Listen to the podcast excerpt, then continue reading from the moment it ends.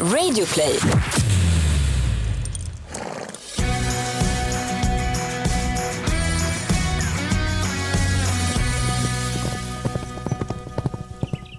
Det är dags för ännu ett avsnitt av podcasten Ridklubben. Gry heter jag. Och Rebecka heter jag. Om du som lyssnar nu inte vet om det så har vi ett Instagramkonto. Ridklubben-podden heter där. Följ gärna det och kom gärna med eh, glada tillrop och feedback och förslag på andra människor som vi kan prata med i den här podden. Ja men exakt och ibland när vi får reda på lite tidigare vilka gäster vi ska ha då skickar vi ut där om ni har några speciella frågor.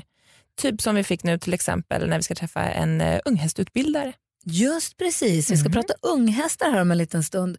Vad har du för erfarenhet av unghästar? Hur ser din... Jo, men jag har ju alltid, eller oftast haft ganska mycket unghästar. Jag gillar unghästar, dels för att eh, utvecklingen är spikrak uppåt. det händer så mycket. men, och sen har jag själv nu en två och ett halvt åring som jag precis har lämnat iväg till Anna, Hasse och Sabrina som ska hjälpa mig och eh, rida in henne. Eh, men, och därför är jag ju super nyfiken på att höra hur Camilla gör när hon utbildar och rider in sina unghästar för att hon kom ju nu då etta, tvåa, trea och fyra på Breeders. Och vad är Breeders om det är någon som inte vet vad det är? Ja, men det är som en unghästtävling där man visar upp sina unghästar och så får de, blir de bedömda och får poäng och ja, lite så. Som kom etta, två och tre? Och fyra. Och fyra. Ja, förstås. Full pott kan man säga. Och då känns det som att hennes koncept är ju ett vinnande koncept. Så jag vill veta allt om hur hon gör så att jag också kanske kan komma etta. Hur många, men det är det hon gör. Hon rider egentligen bara in unghästar. Det är det hon gör och sen skickar, släpper de vidare. Ja men precis. Hon har ju mycket, jag tror att hon har kö in i sitt stall. Att många som jag kanske som vill lämna iväg min häst och få hjälp att rida in den, då lämnar man den till henne till exempel. Jag tror hon föder upp hästar också i en liten, liten skala, men främst utbildar andras hästar. Och varför har inte du din egna tvååring hos dig? Men det är inte så, alltså vårt stall ligger ju mitt i smeten så att säga. Vi bor i Stockholm och vi har inte så mycket stora hagar. Alltså jag tycker att hästar, det kan jag också lyssna med Peder, vad han tror kommer hända med utveckling. Men jag tror att unga hästar ska gå ut i kuperade hagar och gärna ute på lösdrift och så tar man in och rider dem lite och sen så får de gå ut igen. Och det har inte jag möjlighet att göra hos mig. Så då lämnar man iväg sin häst, man betalar då en, en Camilla eller någon annan för att Exakt. ha hästen i en stor hage med andra hästar och också någon som har koll på grundutbildningen och sen tar du tillbaka din häst när den är tre, fyra eller fem år. Exakt. Ah, jag och jag har inget eget vinnande koncept än så kanske därför. Jag Men det verkar Camilla ha. det verkar hon verkligen ha. Vi ska fråga henne allt om inridning av unghästar. Vi ska också tacka Scanbio, Ja. stallpellets, för att ni sponsrar den här podden så att vi får göra den. För vi älskar att göra den här podden. Vi är jätteglada för det. Ja, vi älskar häst och alla andra som älskar häst älskar att lyssna på den här också. Ja, och så här, stallpellets, vi pratar mycket om det. Det är alltså spån som man har i boxen som underlag till hästen. Mm. Men man har pressat ihop det i pelletsform så att när vi som kund man får den så får man den i en säck. Precis. Så skär man upp säcken, häller vatten på, vänta, vänta, vänta och så säger den poff. Den säger inte poff, men det ser ut som poff. Det är popcorn typ. Puff. Det blir som popcorn och så häller man ut det i boxen. Och grejen är att det går inte så himla- har- fick veta nu att det går ungefär 60 säckar per år. Det är 52 veckor på ett år så det är lite, lite drygt en säck i veckan. Det är faktiskt inte mycket alls ska jag vilja Nej, säga. jättebra. Men det är också otroligt lättmockat. Så jag tror att det är det som gör det också. När man silar det här på grepen så spånet är ju så himla finfördelat så det ramlar ju igenom och så har man bara kvar bajs och kiss. Ja, Man slänger inte mycket spån. Nej men man gör ju inte det. Nej. Så tack ska ni ha Scanbio. Nu ska ni få höra hur det lät när vi i Jönköping, när vi var där på Jönköping Horse Show, träffade unghästinridaren, säger man så? Ja, eller ungestutbildaren. Unghästutbildaren, tack. Camilla Axelsson.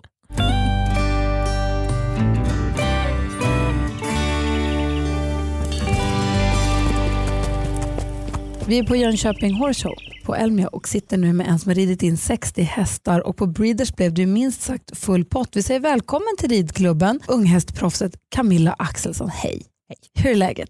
Det är bra. Bra. Ge oss en bild. Om det är någon som mot förmodan som lyssnar på det som inte har koll på vem du är och hur du jobbar, berätta hur ditt hästliv ser ut. Jag eh, bedriver ett utbildningsstall ut i Skåne utanför Skorup. Vi har eh, ungefär 60-70 hästar som bor på gården. Men det jobbas ungefär eh, hälften, säg 27 hästar kanske, som är i träning. Liksom. Vi är fem anställda på heltid. Eh, så jag är absolut inte ensam såklart. Eh, alltså, vi är ganska mycket. 27 hästar om dagen, det är vad härligt. Och är det främst unghästar då som bor på gården eller har du lite äldre hästar Mm. också? Ja, det är mest eh, eh, allt från, eh, där är det mesta så, men där är mest eh, yngre hästar, avelston, föl, eh, ett och två och treåringar, även fyraåringar och sen enstaka fem och sex. Sen kommer givetvis någon lite äldre häst dit och blir vidareutbildad och så, men vi har väl absolut mest eh, två treåringar. Hur kom det sig att du fokuserar på unghästar? Det blev nog ganska givet så då mina föräldrar fött upp hästar redan innan jag fanns och sen eh, växte jag upp så med massa unghästar och sen min moster likaså. Hon bor på gården eh, ovanför oss liksom och föder också upp en massa hästar och så hjälpte jag till att rida in och så Ja, jag har bara gjort det alltid. Jag har bara ridit på unghästar. Jag har sällan haft någon så, färdig häst, eller det har jag inte alls. Bara unghästar. Har du aldrig känt då eh, att så här, nej nu ska jag nog sluta med unghästar? För många kan ju tycka att det börjar bli obehagligt när man har ridit unghästar länge och känner så här, nej men nu... Eh, nej. nej. Du tänker att det, att det är risky eller? Ja men det blir ju, speciellt när man får, jag upplever att många när de kanske får barn, att då mm. efter det då blir det så här vändpunkt att nej. Mm. Men du har aldrig känt att Nej. du känner att unghästar är din grej? Ja. Ja. Mm, ja. Nej, jag har inte känt så. Alltså, jag tänker att vi har ett ganska väl inarbetat system. Liksom, som är mm. ganska och det vill jag också höra allt om. att det känns ganska tryggt. Men jag tänker mer att det ska kännas deppigt att rida in en ung häst och det får du säkert, har du säkert svarat på mm. tusen miljoner gånger med att man rider in mm. den och följer den och så får man, blir man fäst vid den och så ska man säga hej då till den och så mm. kommer en ny och så ska man lite ja, som... Fast Nej, eller ja, kanske. Jag vet inte. Det är lite eh, det jag tycker är mest jag tycker det är roligt att följa dem sen. De, många av dem kommer ju till duktiga alltså mm. som plockar fram dem liksom och fortsätter. Jag känner kanske inte riktigt, alltså även jag skulle tycka det var jätteroligt att kanske tävla mer och satsa mer på min egen tävling så eh, känner jag kanske att jag inte riktigt har tiden att göra det också. Men jag tycker det är skoj att se dem. Alltså vi har ju ändå lagt grunden och liksom, grunden är ju viktig. Är det någon här som känner så att åh, den där, att jag var tvungen att säga hej då till den där? ja, givetvis är det alltid någon sån ja. som man känner att de hade man ju gärna velat fortsätta att rida. Ja.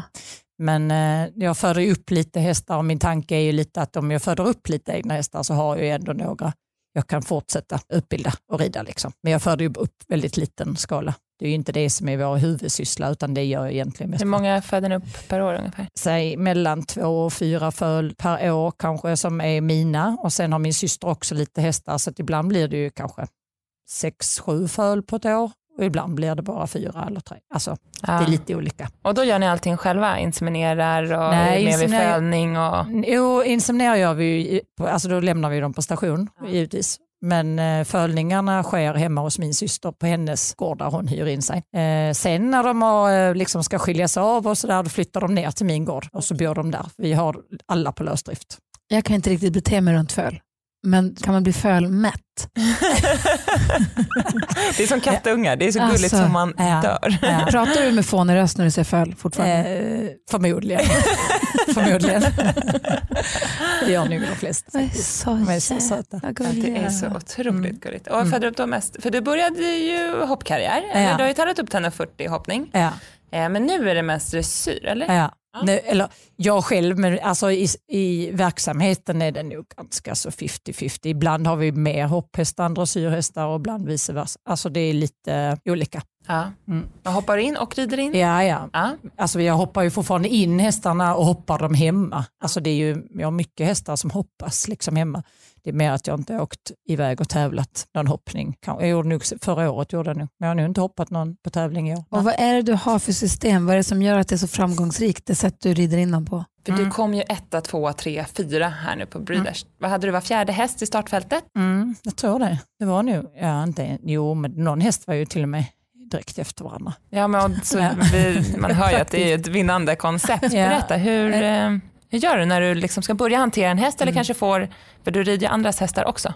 Ja. Så hur gör du när du får en häst där för första gången? Alltså nu är det ju så att jag har ju även tränat upp personalen så att de, de, kan ju, de kör ju samma liksom, som jag har övat upp det sättet. Jag har ju väl fått med mig liksom ett sätt att rida in unghästarna dels hemifrån, hur jag gjorde med min mamma när vi gjorde med våra hästar. Och sen gick jag ju på hippologen i Flyinge och då lärde man sig ytterligare liksom lite hur de gör där. Och sen har jag ju själv lärt mig med åren och fortfarande ändrar jag ju på saker som jag kanske tycker att det där kanske inte var jättebra, gör så här istället. Och man får lära sig hitta liksom sätt för att få det så enkelt för både hästen och för ryttarna som möjligt. Liksom. Mycket av unghästarna som kommer till oss bor ju där alltid, alltså flyttar ju kanske dit till gården redan när de är föl eller ett och två och så stannar de kanske då och bor på lösdriften och så tar vi in och arbetar dem.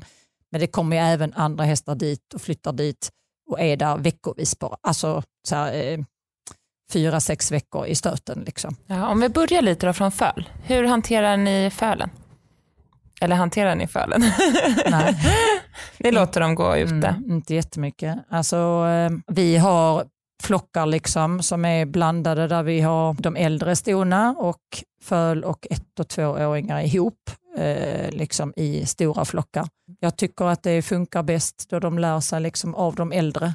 Att när vi kommer ut i hagen så kommer alla hästarna till en och då kommer även fölen fram. Liksom. De tycker liksom att de är nyfikna. Sen när vi Givetvis tar vi in alla när vi ska verka dem och man ska, eller vad man nu ska göra. Då tar vi in alla på stall. Men de, de ser ju hur de äldre hästarna gör och så hänger de på. Liksom. De tycker det är inget konstigt, vi tar på grimmor och vi liksom leder dem och så vidare. Så vi hanterar inte dem nämnvärt mer än precis när de är nyfödda. Då hanteras de ju en hel del eftersom man inte släpper ut dem kanske så direkt i flock med detsamma. Men där sen efter hanteras de inte dagligen utan då är de ju på lösdrifterna. Jag tänker om man som vanlig svensson i stallet, om man köper en häst, om man köper en ung häst, då tänker jag att man köper en som är fyra fem år. Mm. Eller? Ja, från tre skulle jag säga. Ja. Mm. Om man då köper en ung häst, så att jag går och köper en fyraåring, vilket är det vanligaste misstaget du ser eller du tror att folk gör? Alltså köper man kanske, alltså en treåring är fortfarande ganska ungt att köpa. Det är så svårt att säga, liksom, även om de har till, alltså varit hos oss och vi har gjort ganska mycket med dem och vi har utbildat dem och så vidare, så är de fortfarande bara tre. Man måste vara ganska erfaren. Men säg en femåring då? Jag tar, men när de blivit fem då börjar de ändå mogna och bli lite äldre. Alltså det jag tycker det är väl att man måste ta hjälp av någon som är kunnig och kanske inte bara från backen utan kanske någon som hjälper till och hoppar upp och rider. Det känns också som att det är så viktigt med unga att det inte får hända någonting. För oftast mm. så är det, det ju att det, har hänt problemet. något och då ja. blir det ju oftast ett ja. problem. Innan dess så kan det ju flyta på Jättebra ja. ja men precis. För jag köpte en häst, hon måste ha varit två också. Atlant, den sålde jag faktiskt på auktion här för mm. några år sedan. Eh, men då var auktionen på Flyinge. Men då köpte jag den och så gick den då på lösdrift och så tog jag hem den till sommararbete och sen så började vi hantera den lite och den var lite spännande. Vårt stall är ju inte ultimat, då var det Nej. lite bättre. Men det ligger liksom i Stockholm, mitt i smeten, ja, det är ja. bostadsområden mm. och vi har inte så vi har liksom en stor skogshage och där fick hon ju såklart gå med massa andra mm. ston. Men man märker att hon är lite spänd och hon var spänd när vi la på sadeln och så jag bara kände såhär, nej det här, jag vill liksom, eller det nej. kommer hända någonting. Mm. Och så där var jag ändå, det kändes bra att jag drog i mm. nödbromsen mm. och lämnade iväg henne och då gick det bra. Men hon sa ju hon hade lite sadel. Låstvång. Det tog, ja men exakt, det tog ett tag innan hon accepterade sadeln. Mm. Men då där kan jag tänka mig också att det är svårt för där hade jag kanske suttit upp eller och ja, det hade hänt någonting. Så det är väl där ju... lite, när hästen är fem så har den oftast man märkt alla de där sakerna. Så att då kanske det inte är just så tänker jag. Utan men just problemet kanske när de är tre och så är precis som du säger att när man kanske är hobbyryttare och inte ser så mycket olika hästar så läser man ju inte av det du säger nu utan då sadlar man kanske på att men den ska vara inriden. För det sa de att den var. Mm. Och sen så sadlar man och så är den spänd för det är kanske fel miljö den är i. Det kan vara så lite som stör hästen. De är ju ett flockdjur, liksom, flockdjur och flyktdjur. Och kanske där är liksom något som gör att den blir spänd och stressad och så händer det grejer. Och så sitter man upp och tänker att det ska gå att sitta upp. Så enkelt är det ju inte riktigt. Ett poddtips från Podplay. I fallen jag aldrig glömmer djupdyker Hasse Aro i arbetet bakom några av Sveriges mest uppseendeväckande brottsutredningar går vi in med hemlig telefonavlyssning och, och då upplever vi att vi får en total förändring av hans beteende. Vad är det som händer nu? Vem är det som läcker? Och så säger han att jag är kriminell, jag har varit kriminell i hela mitt liv men att mörda ett barn, där går min gräns. Nya säsongen av Fallen jag aldrig glömmer på Podplay.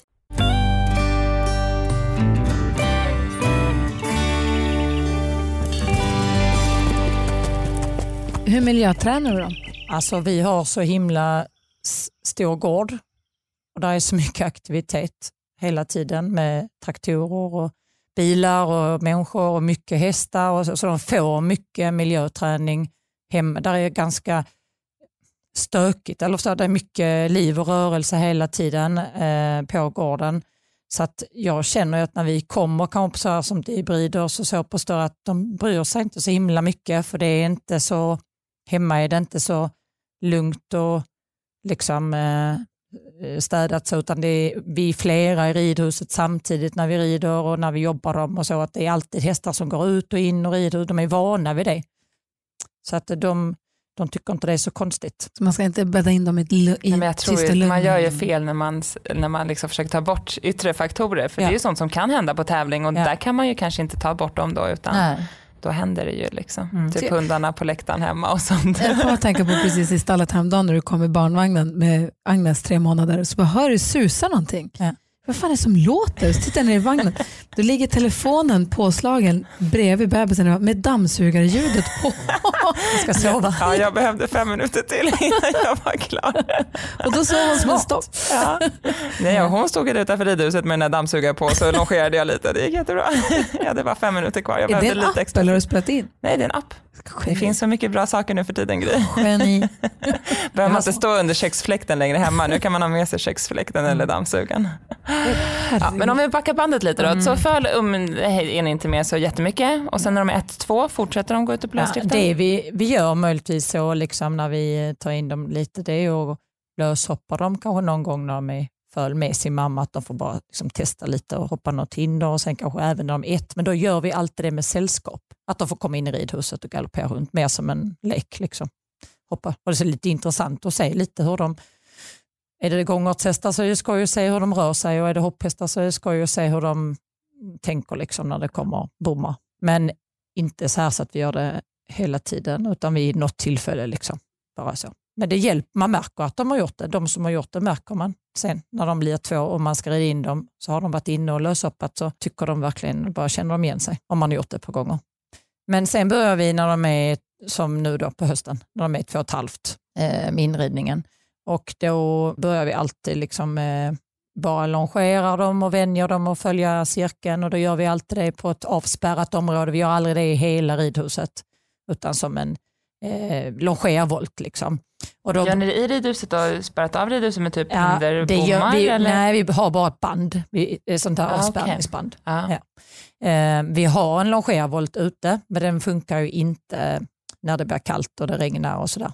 Det går ju att använda sommartid. Varför spärrar du av ridhuset? För att de förstår ju inte att de ska springa runt på en cirkel och när du Ja. då kanske smackar på och vill att de ska springa fram så springer de ju hellre ifrån dig kanske. Och håller du i dem så finns det ju risk att Nej. det blir fel. Mm. Du drar ju håller och Man Driver. bromsar och driver samtidigt, samtidigt. det blir liksom dubbla Men då drar man ett snöre, då blir det mer naturligt för dem De att bara här är följer lilla... spåret Ja. runt så behöver du inte dra i dem. Då räcker du, då bara får du fram dem. Liksom. Så det börjar vi med, bara så de ska lära sig bara springa runt. Och sen de flesta springer fint i vänstervarvet och sen högervarv tycker de är lite bakvänt för man leder ju dem i vänstervarvet. Ja, man leder dem alltid på vänster sida. Just Ja, det. man leder ju alltid på Ah. vänster. Så i höger tycker de, de vill alltid tillbaka till vänstervarvet. Vända tillbaka liksom. Ja, Okej. Har du testat någon gång att liksom leda en häst På höger på båda sidor? Ja, det, de mer liksidiga då? Eller är det... nej, det tror jag liksom att det är ju så att man gör ju sällan det. Möjligtvis man leder dem två och två eller någonting, då blir det ju så. kan man göra ju längre fram, men det är ju inte så att du kanske kommer med en inridning som är inte ledd så jättemycket och hantera, att du börjar liksom Mixtra med det. mixtra med det. Det känns som att det där ger ju sig självt. Jag tycker det är jättesvårt att göra på fel sida. Jag kan, Ja, det är det ju- jättesvårt att leda på fel Mm. sida. Varför gör man en saker på samma sida alltid längre? Nej, det Jag, känns... inte, jag tror det är för att de flesta är högerhänta egentligen Ja. så då hamnar man med högerarmen närmst. Liksom. Ja. Men jag, vi börjar så och då har vi bara träns på och grimma och då sätter vi oftast Och betta. Han är Ja, och då har, tar vi oftast såna Novabett. De här är syntet, bara mjukt. Varför just det? För att det är mjukt, liksom, bara så att bara de ska ha någonting i munnen till början. Liksom. Och sen sätter vi linan i uh, bättringen men även i grimman. Så att man inte drar liksom, i munnen på dem. Och sen longerar vi så att de förstår liksom, att de ska springa i båda varven. Och sen lägger vi på kanske en täckesjord som är elastisk bara för att de ska känna att de har något om magen. Och sen när det går bra så lägger vi på en sån här tömkörningsjord. Sen har vi alltid så att det är resår i jorden om det skulle vara att de har sadjordstvång. Att det är ganska taskigt då att ta en stum jord. Mm. Så vi tar alltid som är lite resår i. Sen eh, när det funkar liksom i jordar och så då byter vi till sadeln. Men ni har vanliga sadeljordar? Ni upplever inte att ni behöver hoppjord för att det... Nej, vi har Nej, vanliga, har vanliga, sadlar, men det är vi alltid med resår Ja. Eh, och sen eh, när vi de fattar longeringen och de har fått på sig utrustningen sen börjar byter vi till vanligt bett. Nu tycker jag om att använda det här Golden Wing som inte är godkänt ridardressyr på. Så jag använder mig mycket av det men det är för att jag tycker att det funkar bra med det, att det är ergonomiskt, liksom att det är de här plattorna vid sidorna som gör att när man longerar att det åker inte in i munnen eller Nyps inte Nyps kanske. inte så. har visst. inga så. Ja exakt. Ja, det är hoppningen Mm. används det ju. Men vi använder det till en början efter Novabettet och sen börjar vi skasa på någon inspänning men oftast alltså väldigt löst. Det är ju mer bara att de ska känna att det är någonting i munnen, att de får tryck i munnen. För det är ändå så att du ska ju upp och rida och då måste du hålla i munnen. Du måste ha kontakt med munnen och då för att de successivt ska vänja sig vid det och inte få panik sen när du tar dem i munnen så börjar vi med inspänningen.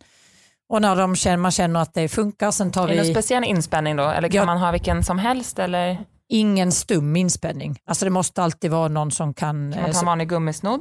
det kan man absolut. Jag tycker inte den är så bra bara för att Nej, de lär sig gunga med den. Ah, okay. Alltså en, en eh, in, vanlig inspänning, den är där lite flex, lite resår eller någon, ibland är det sån här gummiring som Ja, rör exakt. sig. Det är ändå lite, att det liksom sviktar lite, men, men tar du gummisnudden, på ponnys funkar det ju bra kanske, men på storhäst är så mycket starkare, de, de lär sig bara att de ska Dra emot dra den emot den Ja, hela tiden. Det kanske inte riktigt det vi vill heller. Liksom. Så att, eh, sen, sen har vi gjort det, sen byter vi till att eh, tömköra dem, fast vi gör det med, först med longerlina och då tar vi den på utsidan om hästen så den hamnar om rumpan. Får de inte panik då? Jo, det kan de få. Ja, vad gör du då? Då får man släppa den. Ja. Den flyger ju bara utåt ur cirkeln i så fall. Och innerlinan tar vi löpande genom bättringen till jorden. Så att innerlinan blir svängande. Mm. Så Så, så linan sitter, du håller den i handen och så är den igenom jorden och in i bättringen? genom bättringen till jorden. Och sen till jorden. Okej, bättringen, Mm. så den sitter, spännet är i jorden Yes. och det löper igenom? Ja, ja. Så du får att de kan runda sig lite ja, precis, inåt. Så. Men ytterpoängen lite med att få linan på utsidan är ju dels för att få tag om yttersidan på hästen så att de spårar. Och Det är sen, som en konstig reverserad tömkörnings... ja, Ja, men lite. Ja, Mm. exakt. men vi gör bara så här i början. Det är ju lite för att Men sen är det väl lite bra att vänja dem också, att det är lite vid Ja. rumpan och att det är... Det är just därför Ja. lite, för du får ju lite svar på om de är bakskygga. Eh, om du får den om rumpan och de tycker det är jätteläskigt. Viss, viss, de flesta faktiskt reagerar inte. Men någon gör ju definitivt. ja, Men, de det är oftast bara en väl. gång. Ja, så gör de inte det med. Så det är, men sen när de, och, och så kan man ju styra så lite då Ja, och byta varv. Men då har vi som sagt linorna så. Men sen, sen när de har fattat det här och så, liksom, men under tiden vi gör detta markjobbet så kallat så håller vi alltid på och övar dem med pallen och då menar jag att vi lägger ganska mycket tid på att de ska stå still vid pallen, för vi använder pallen i uppsittningen. Mm. Att de ska stå still vid pallen och att man kan gå upp och ner på pallen och att man kan klappa på dem. Och vi gör detta på båda sidor på hästen, inte bara vid uppsittningssidan. Vi gör det på båda sidorna. Att man kan kliva upp och ner, att man kan röra sig liksom med, med armar och så utan att de blir rädda. Och sen, Och om de inte vill stå still då, om de blir lite rädda, hur gör du då? eh, vad gör jag om? Ja. Får dem att stå still och göra det igen. Och, göra det. och det kan ta lång tid. Måste ha jordens tålamod. Det får man ha. Ja. Det är det jag tänker att du måste ha världens tålamod. Jag tänker också att det är lite grann som att ha en bebis som man ska skola in på dagis, på förskolan och man ska lära dem ha på sig galonbyxor när man säger att de ska Mm. galonisar fast de inte vill och man ska lämna dem där fast de inte vill och sen ska man hem. Och sen så när de är klara på förskolan och ska liksom ut i skollivet, då börjar man om från början med en ny bebis. Ja, det, där, det där tyckte jag aldrig var jobbigt men det kan vara en förklaring varför. Du är van med hästarna. Ganska bra.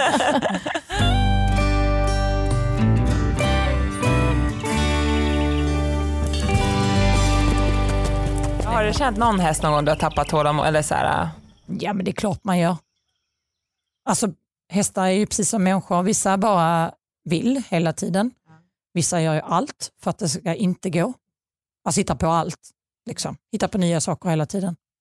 Och vissa bara kan inte koncentrera sig.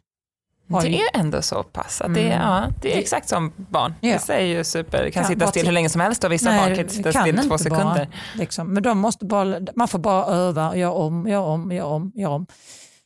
Men de lär sig. Det, de, nästan alla lär sig. Men hur gör du när du har 27 hästar då, hemma som ni ändå ska ta Mm. hand om varje dag? Mm. Hur hinner? Känner du aldrig att du har blivit stressad eller får tidspress? Eller, utan, Nej, nej, ni har den liksom Mm. tidsspannen så att det får ta den tid det tar. ja, det får det göra. Alltså det gäller ju att ha hästägare också som, eh, som liksom eh, tycker så likadant. Liksom. Eh, alltså hur lång tid det tar med hästarna, liksom, nu menar jag inte bara per dag, liksom, utan hur lång tid hästen kanske ska vara hos oss för att bli inriden. Eller färdig. Det, det gäller ju att hästägarna har förståelse i det vi gör. Liksom, för att det är, det är ganska stor skillnad på hur man uppfattar hästen hemma kanske i stallet eller på lösdriften eller och så, mot när du väl börjar jobba dem. Ja, precis. De kan vara på ett sätt så hemma liksom, i flocken eller så. Sen, och när du börjar jobba dem så är de inte lika fogliga eller tvärtom superfogliga. Vi har ju fått massor med hästar där de bara, denna är besvärlig och jobbig. Och så när de väl börjar jobba så bara tycker de det är fantastiskt och då gör de allt. Och så finns det hästar som är superenkla i hanteringen men inte riktigt vill bli ridna på eller ja, inte riktigt vill lära sig. Man får hålla på längre, liksom, ta ja, längre tid. Har du då så att vissa hästar som kanske då är jätteenkla att jobba med och mm. inridningen går snabbt och mm. smidigt och man får inga bakslag, mm. släpper ut dem på lösdrift mm. eller på samarbete tidigare ja. och de som tar lite, eller som är lite, man kanske får backa lite och Gör ni det lite de längre får ju göra, De som har lite jobbiga av olika anledningar, de får givetvis göra lite mer, men vi försöker bryta. Ja. Alltså vi håller ju inte bara på liksom i evighet, alltså det gör vi inte, det finns ingen mening. Det är ingen som lär sig mer av att man håller på och nöter så under en längre tid, utan då är det bättre att korta ner det. Om en häst har väldigt svårt för något, alltså vet att den har svårt med koncentrationen och svårt liksom och, och det är ofta om, om hästarna har väldigt svårt kanske med koncentration och så vidare, då blir de till bara trötta i huvudet och då blir det bara sämre för att de är trötta i huvudet. Ja. Man kommer inte längre och sen blir det bara en negativ grej av det. Det är bättre att bryta i så fall om man känner att nej, nu känns det ändå som vi har kommit så här långt. Eh, låt säga att den har haft jättesvårt med långskärning. Det kan vara en sån enkel grej som långskärning som man tycker att hur svårt kan det vara att bara springa runt på cirkeln. Men vissa tycker det är svårt. Men det betyder ju inte att den hästen sen tycker det är svårt att bli riden på. Riden Eller, nej, precis. Fast man måste kanske igenom vissa saker. Men då bryter vi kanske efter, redan efter tre eller fyra veckor och så säger vi nu får den pausa för nu, det går liksom inte, vi får inte in mer nu. Nej. För då kommer det bli liksom att vi är uppe i åtta veckor kanske till sist och det blir för mycket innan vi ens kommit halvvägs. Ja. Om vi backar tillbaka då, när mm. ni väl började, när ni hade tömkört dem och det gick bra. Hur, många, hur lång tid har ni hållit på med hästen då ungefär? Alltså tre veckor kanske. Ja, och då börjar ni sitta upp på dem? Ja, nästan alltid efter tre veckor så sitter, alltså kom, sitter vi upp och, och, kanske sitter upp och kanske skrittar lite och så och travar kanske några, lite grann liksom med ledare. Och Hur många dagar i veckan hanteras de? Fem. Ja. Vilar alltid på helgen helt. Eh, och då eh, har vi alltid ledare så vi övar liksom och sitter upp och sådär. Eh, uppsittningarna är jätteviktiga att de går bra. Att hästarna står still och att de är avspända och vi gör alltid likadant hela tiden vid uppsittningarna. För är det någonstans det går fel så är det vid uppsittningarna. Och hur gör ni då? Just det här med pallen, att vi övar det redan från början. Just att de ska stå stilla och att de ska vara avspända och att vi har alltid en som håller i. Så att man aldrig är ensam. Alltså en som är, står vid hästen. Liksom. Och den personen känner ju oftast av om hästen är spänd. Det känner man ju när man står och håller. Och hur gör ni då, då? Om ni står där på pallen och är på väg upp på hästen men det här känns inte bra. Hur gör ni då? Nej, men det, det, det beror lite på vilken häst, alltså hur långt man har kommit. Är det en eh, helt ny inridning då kanske man inte sitter upp just då. Då får man kanske eh, hoppa ner igen och så kanske gå lite eller longera någonting till och sen igen. Är det en äldre häst och den bara är rund, lite rund och spänd i ryggen och den brukar kanske vara det ibland, då kanske vi bara kan skritta fram ett par steg. Alltså att man hänger på den och skrittar fram ett par äldre, menar jag ja, inte äldre, nej, äldre gammal häst, ja. men en som är inriden redan. Liksom. Då kanske det räcker att man skrittar så, den skritt, så att den skrittar ur det. Eh, och sen kan man sitta upp och så kanske oftast när man väl börjar röra på dem så släpper det. Men är den inte ens inriden så det är ju inte bara så att man sätter sig upp på den för det kanske den blir rädd. Ja precis. Har du en som är kanske tre och ett halvt så, och den brukar bli lite rund i ryggen eller spänd i ryggen, då har man ju kanske lärt den att ja, men du får gå ur detta, du får, du får röra dig framåt tills det släpper. Det viktiga är bara att de inte lär sig att de ska bocka iväg eller något så att du inte sitter kvar för att då har de lärt sig det istället. Därför ska man ju vara två så att en håller i så att den kan stoppa den om den skulle hoppa iväg. Liksom. iväg. När ramlade du av senast? Mm. Jag ramlade av i våras. Då bockade en väg, gjorde den så. Vid uppsittning just? Ja. Ja. Och eh, den, den hade aldrig gjort så innan och vi skrittade lite. Men så, Var den då tre? ja. Ja. Men eh, den hade aldrig gjort så alls under hela inridningen. Men så var det att vi kom vid utgången. Eh, att jag skrittade liksom förbi vid utgången. Jag hade fortfarande ledaren i. Och då, alltså hon höll i liksom. Så skrittade vi utgången och så tryckte hon mot utgången. Och så tryckte jag tillbaka med skänken. Och då bara, eh, den bara reagerade. Den har aldrig, gjorde alltså igen efter det.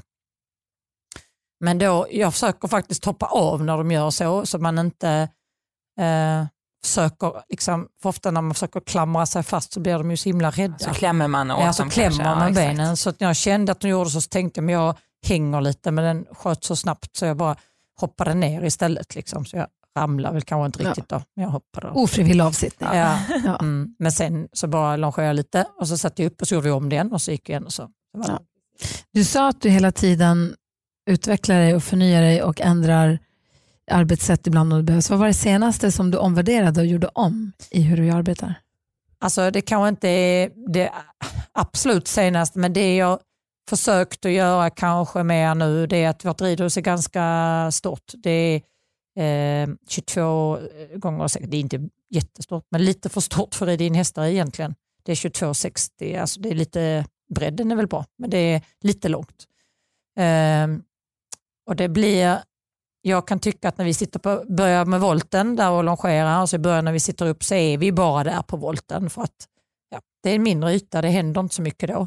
Men sen när man ska lära dem att gå på hela fyrkanten ibland så blir det att, precis som att de blir lite vilse, liksom tappar bjudningen lite, det blir för långa sträckor. Och, gå. och då har vi gjort så här att vi har delat av på andra hållet som vi är i ena sidan på de ena 20 meterna på volten så använder vi de andra metrarna som är kvar där, de 40 metrarna istället så ridhuset bara blir 20-40 så blir det lite kortare sträckor för dem att gå.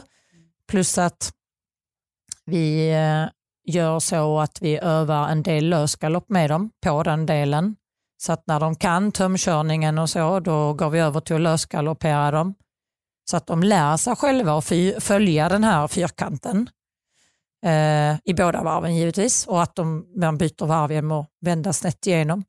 Och sen när man väl gör det Hur uppsittet- säger du till en häst som är lös och byter varvsnett igenom? Nej, men vi är flera personer. ah, Okej, så, Så vi bara- vi bara ställ- av? Liksom. vi ställer oss ah, så, eh, diagonalt jag så att- så de hittar bara, vägen. Hur gör man då? Nej, de är, de är bra röststyrda så. De kan allt på kommando. Vi säger ju alltid så trava och galopp och När ni longerar? även tömkör och longerar och rider. exakt. Så att de vet liksom, eh, vad de ska, vilken gångart de ska ha. Så man slipper jaga på dem så himla mycket. För det är ju inte att de ska springa snabbt, de ska bara byta gångart. Men de lär sig ju följa fyrkanten bra så tycker jag och lär sig att de ska gå framåt. Sen är det ju bara att sätta på ryttaren och sen följer de ju fyrkanten. Det låter så himla enkelt. Ja, men det är ganska enkelt. Det är ganska enkelt och de lär sig ganska snabbt. Ja, och hur länge rider ni? För då har det gått tre veckor så har ni suttit upp och börjat rida på dem. Och hur Ja. länge ungefär rider ni dem innan ni släpper ut dem på lösdrift Ja, men- igen? Kan jag tänka mig eller? Mm, men säg, någonstans, säg cirka sex veckor. Det Ja. kan vara lite under, det kan vara lite Ja men precis. Mm, med cirka sex veckor. Och sen går de ut på lösdrift igen. Ja. Och Eller tar- hem till sin ägare. Ja, och när tar ni dem Igen. igen inför treårstest? Beror, ja, det beror lite på när vi rider in dem. De hästar som blir inridna kanske nu allra först. Vi har ett gäng som rider in nu. Då kan det vara ganska långt om de ska bevisa det på treårstest i juni. Sen kanske någonting, då är det väldigt långt dit. Då kanske man rider dem lite grann en gång till i januari eller februari. Och då kanske vi rider så här tre veckor eller någonting. Tar ni in och gör samma sak då? Longerar först, tömkör och sen sitter upp. Men då kanske det går lite Då går fortare allting alltihopa. mycket snabbare. För de vet de redan. Och de är jätteduktiga på att komma ihåg det där. De vet exakt vad vi ska göra. Och sen så, men sen när det väl är dags för treårstest, då tar vi dem sex veckor innan. Men de som rids in sist, de hinner ju inte komma så en gång till. Vi har ju inridningshästar redan i januari. Eller redan, sista Så sent som. Ja. Ja, i januari. Och då hinner de ju bara ha en paus och sen, eh, sen är det ju visningar på treårstest i maj och juni. Så man kan ju dela upp det där lite utifrån hur de jobbade sist. Mm. Så att det passar in. Så alla hinner få sin vila.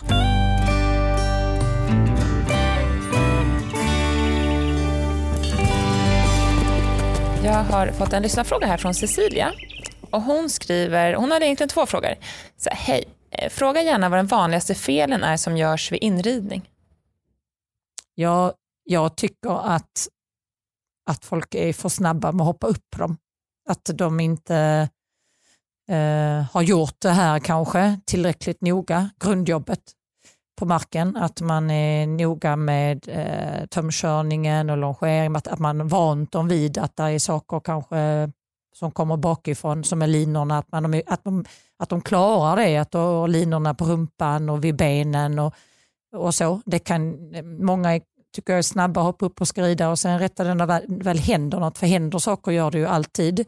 En katt som hoppar upp någonstans eller något barn som skriker eller någonting som trillar och så blir hästen rädd och så är den inte van vid att att du tar den i munnen kanske eller att, du, att något som trycker i sidorna och så blir den rädd och så åker någon Så förknippar han det med det. Ja, sätter, och då flyger man oftast av dessutom för att de får ju panik och då flyger du av. De blir väldigt rädda när du vet, slungas av dem. Så kanske man slår i dem eller liksom. Ja, och, men de, av hela händelsen blir de väldigt rädda. Nu plötsligt blev det synd om hästen Det är ju- det är ju en trist vändning. Ja det blir det och de förstår egentligen inte vad som hände. Det är därför Nej. jag sa om vi känner att de håller på och skjuter rygg och de får panik, då försöker vi sitta av. innan För det att, händer något. ja, för att du inte ska flyga så av på dem för de tycker det är jätteäckligt.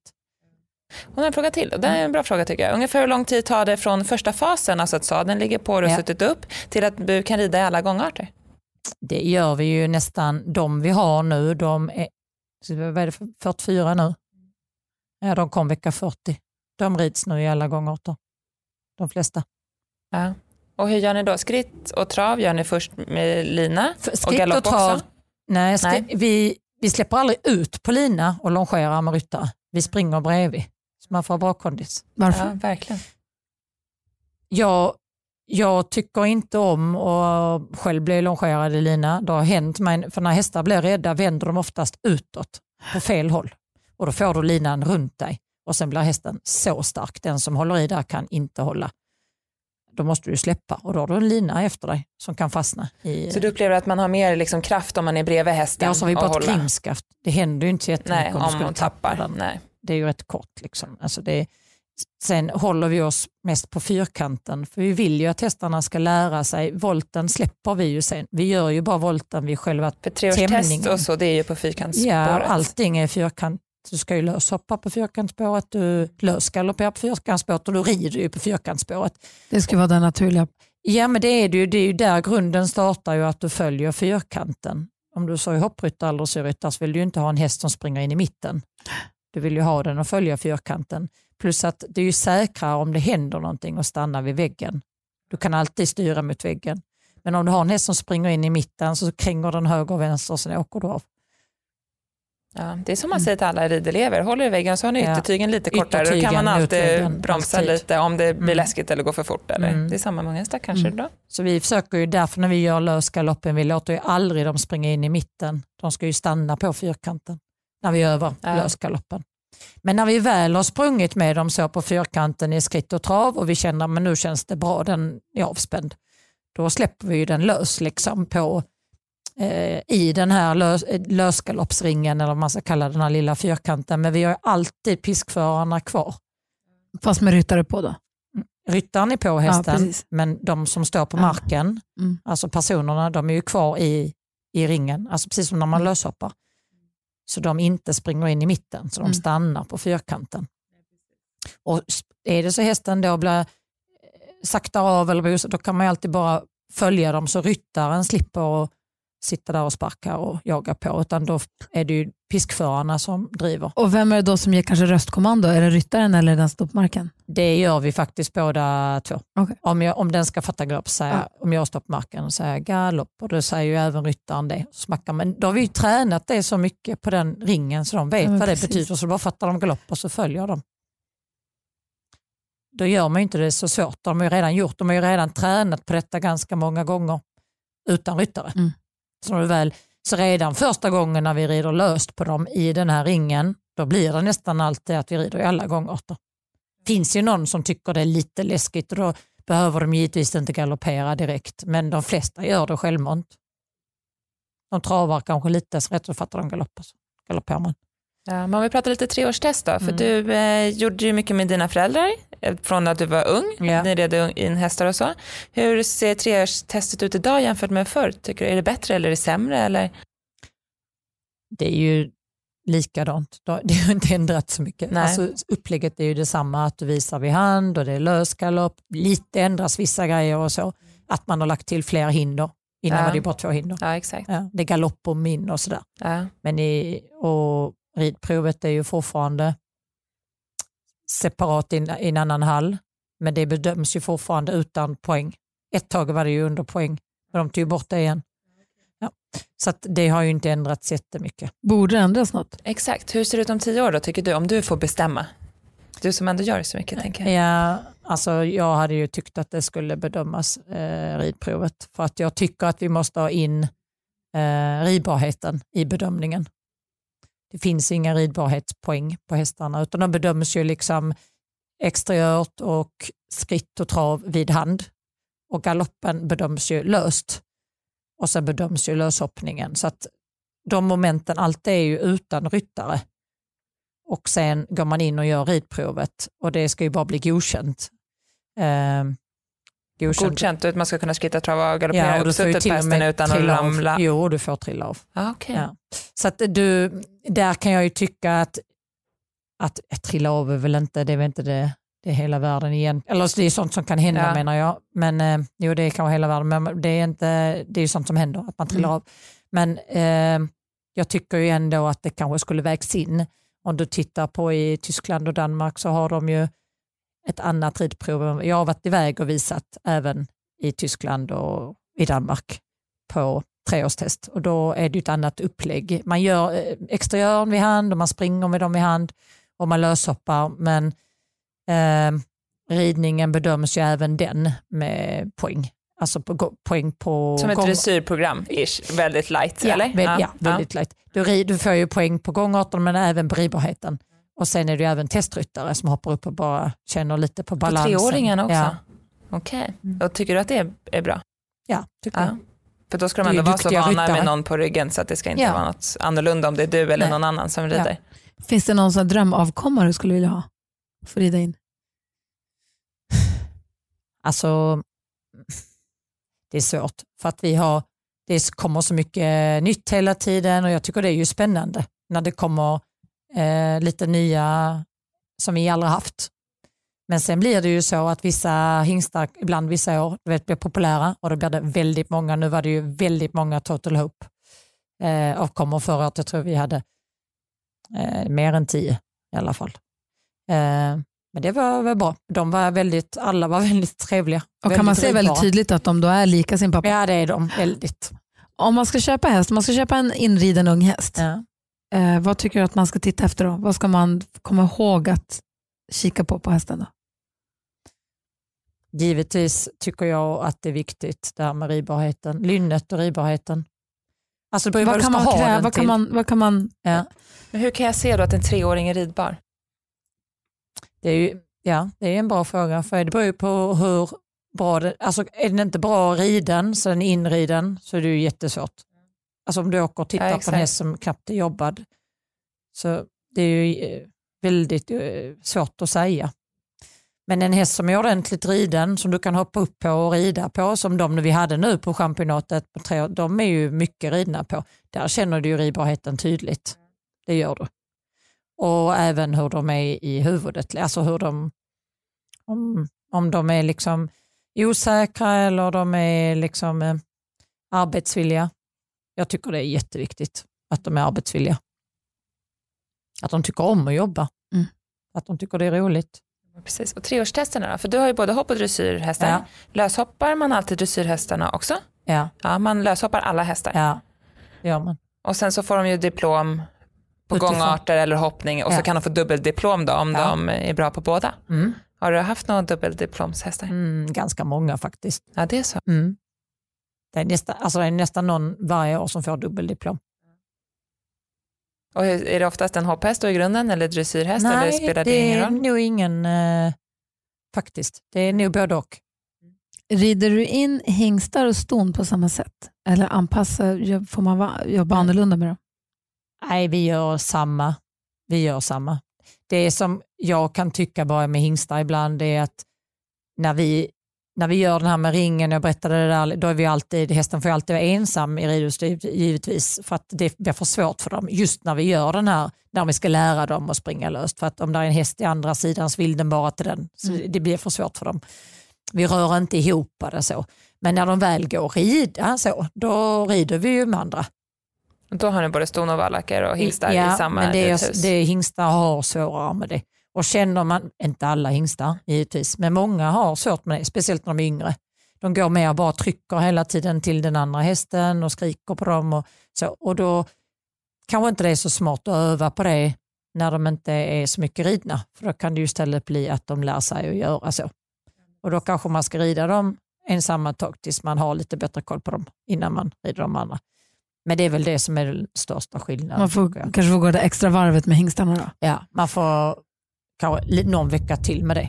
Men jag menar inte alla, verkligen inte. Vissa Tycker, bryr sig ju inte alls. Är det roligare med hingstar eller med ston? För, vilket föredrar du? Jag föredrar ston. jag vet inte. Jag har alltid gillat ston. Jag gillar att de är um, Eh, oftast i alla fall. Väldigt så energiska och väldigt arbetsvilliga tycker jag. Hingstar kan gärna bli lite lata.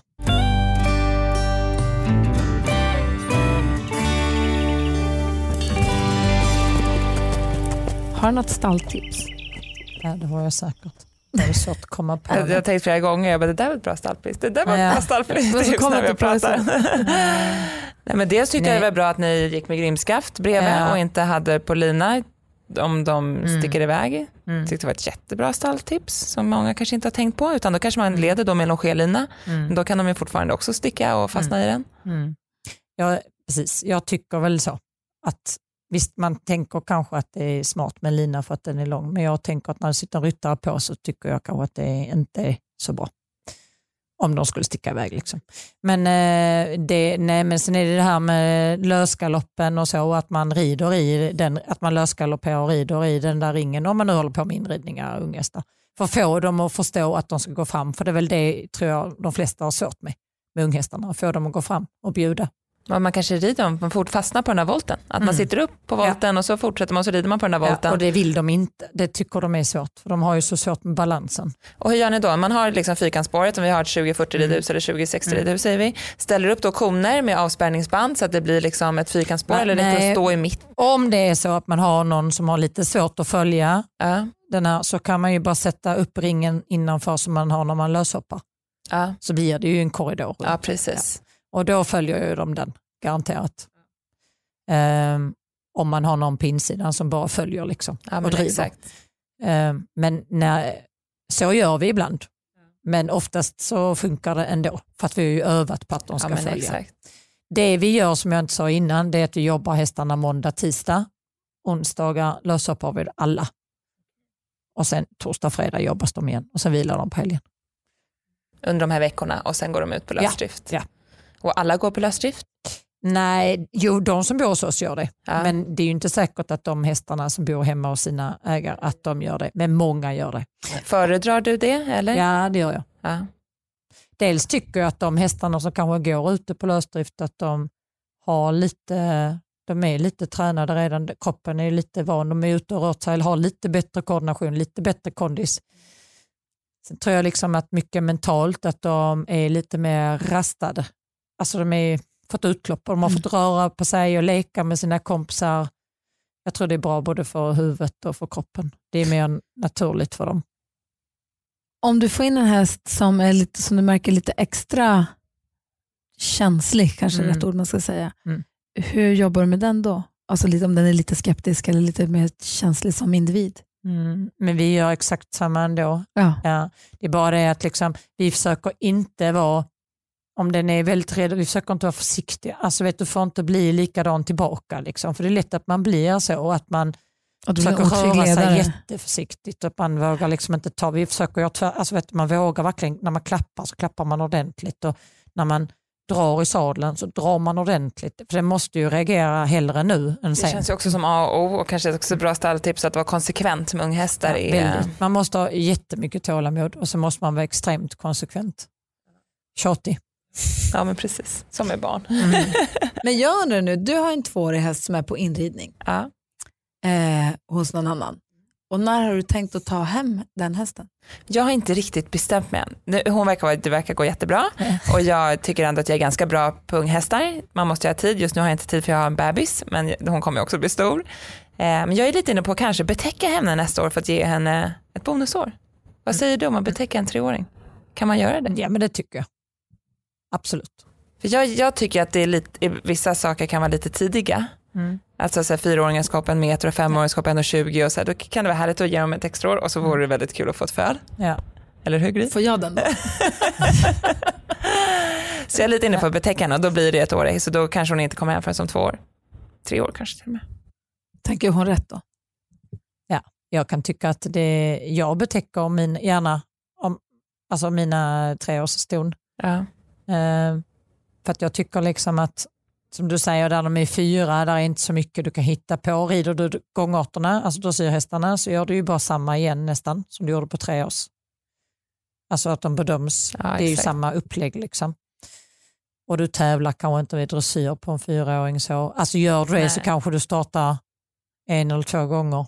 ja men precis. Men det här är en hopphäst. ja, det här är en Men, hoppas. men även din hopphäst så ska de bedömas kanske. Eh, om man nu ska kvala in och så championat så måste de ju hoppa väldigt korrekt tekniskt för att de ens ska liksom få tillräckligt bra poäng. Alltså då ska den hoppa väldigt speciellt. Men det betyder ju inte att den inte är bra. Alltså det är Nej ju, exakt. ibland så behöver de ett år till. Ja men precis. Mm. Och hur gör man då? Om jag betäcker henne i vår Med eller sommaren? Med vem? Ja, alltså jag, jag gillar den här Diero Lux en som Stefan rider, den svarta. Det är också en jättefin häst på auktionen som är efter den. Typiskt. Och handla en häst till. Ja, jag vet. men, det, sådär, men det måste jag också sätta mig in i. Men visar man dem då ändå? Alltså kan man inseminera dem och Mm. sen visa dem på treårstest? Ofta så visar Gör du ju först. Ja, man visar sen- först och Ja, sen. ja. Gud, ja, det där, vi måste också prata med någon eh, uppfödare så Ja. att vi kan sätta oss in i allt det här med hur man betäcker Ja. en häst och hur jag Ja. gör då. Ja, men det visst, eh, kan man, om man visar sent så visst kan man seminera innan. Alltså man visar den sista, det finns visningar väldigt sent, in i juni, sista juni till exempel. Då kan man ju seminera den innan, men normalt sett så kanske du visar först. i maj och så Ja. inseminerar man i Ja. juni. Då vi så att de får vara lite... Björkman, det är det vi säger Ja, jag vet, vi måste det är så svårt att få till. och sen, eh, men jag tycker det är väl en en bra idé när man har ett sto. Ja men precis. Mm. Får man lite ett gratisår, då får ju dessutom gå alltså, ett år in, Ja men under, precis, om man nu vill då det. får man ju gå som fyraåringar när de är fem och sådär. Mm. Ja men exakt. Nej men superroligt. Fick sms från hästvakten, jag var bara tvungen att se om det var kaos, men det var tummen upp, allt har gått bra. Jag var bara tvungen att Ja, bli nervös. Vad bra. Men då säger vi eh, stort lycka till ikväll för du har en häst med på auktionen, eller hur? mm, men ja, idag är det bara genrep. Nej, det är imorgon det är Ja just fredag det, just det, idag är det Det är fredag. fredag fredag. idag. Så vi lycka till imorgon. och sen tävlar du någonting här i helgen själv Ja, lördag. på lördag och vad har du då? En fyra? Eh, nej, min hopphäst som jag själv fött upp, den ska gå finalen med Nicole Holmen. Ja, vad heter den? Kresta. Klister. Nej, Kresta. Kresta, det är, det är en sallad. Hennes mamma heter Rucola. Är det så? Hon ska gå finalen på lördag, eller imorgon. Eh, fem års då. Och sen ska jag rida dressyren på femåringarna på min systers uppfödning. Imorgon ska jag komma och heja. Det ska vi verkligen göra. Tusen tack för att du tog dig tid att prata med oss. Tack Jag har lärt oss massor tror jag. Ja, verkligen. Nu är man ju lite sugen på unghäst igen.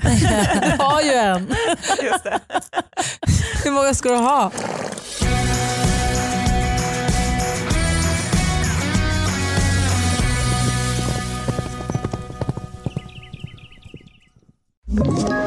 Ett poddtips från Podplay. I podden Något Kaiko garanterar östgötarna Brutti och jag, Davva, dig en stor dos skratt. Där följer jag pladask för köttätandet igen. Man är lite som en jävla vampyr. Man har fått lite blodsmak och då måste man ha mer. Udda spaningar, fängslande anekdoter och en och annan arg rant. Jag måste ha mitt kaffe på morgonen för annars är jag ingen trevlig människa. Då är du ingen trevlig människa, punkt. Något Kaiko, hör du på Podplay. Därför är gardinerna.